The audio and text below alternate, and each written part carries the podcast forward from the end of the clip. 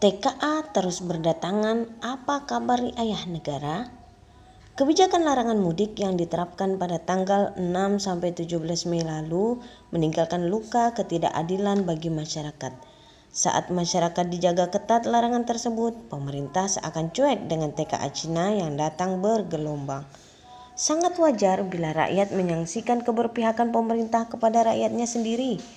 Di saat rakyat butuh pekerjaan akibat PHK besar-besaran, pemerintah malah memberi karpet merah bagi tenaga kerja asing.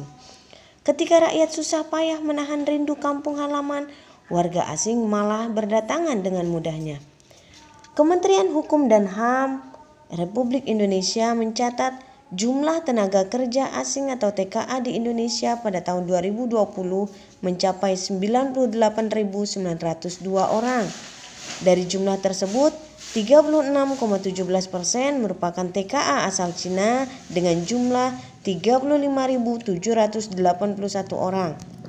Sementara berdasarkan catatan BPS pada bulan Februari 2021, jumlah angka pengangguran itu mencapai 8,75 juta orang. Bila dibandingkan dengan data tahun 2020 yang sebanyak 6,93 juta, angka ini meningkat 1,82 juta orang. Seandainya jutaan orang pengangguran ini diserap sejumlah TKA yang datang ke Indonesia, bukankah bisa mengurangi angka pengangguran?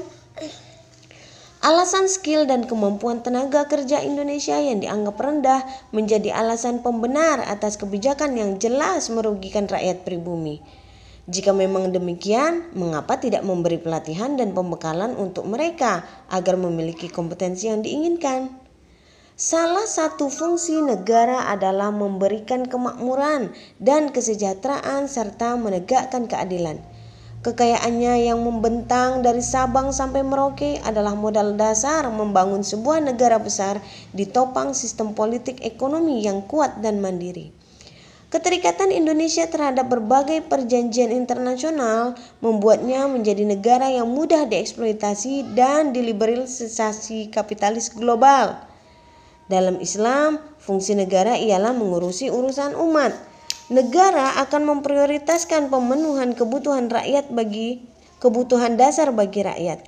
Negara akan menciptakan sumber daya manusia dengan skill yang hebat agar sumber daya alam negeri ini dapat dikelola sendiri. Kemandirian ekonomi dalam Islam adalah bagaimana rakyat bisa bekerja memenuhi kebutuhan keluarganya. Negaralah pihak yang menyediakan lapangan kerja atau memberi modal usaha bagi rakyat.